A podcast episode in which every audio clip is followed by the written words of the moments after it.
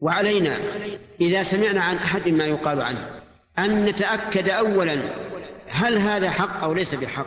فكم من شيء ينقل عن الشخص من قول أو فعل ولا يكون له أساس من الصحة. فلنتثبت أولا هل وقع هذا الشيء أو لا؟ يعني مثلا لو قيل لنا إن فلانا لا يصلي مع الجماعة هل نأخذ بهذا بدون تثبت؟ لا نتثبت أولا ثم إذا ثبت لدينا أنه مخل بواجب الجماعة فإننا لا نتخذ من هذا سبيلا إلى غيبته والتشمت به وإلقاء العداوة والبغضاء في قلوب الناس بالنسبة له.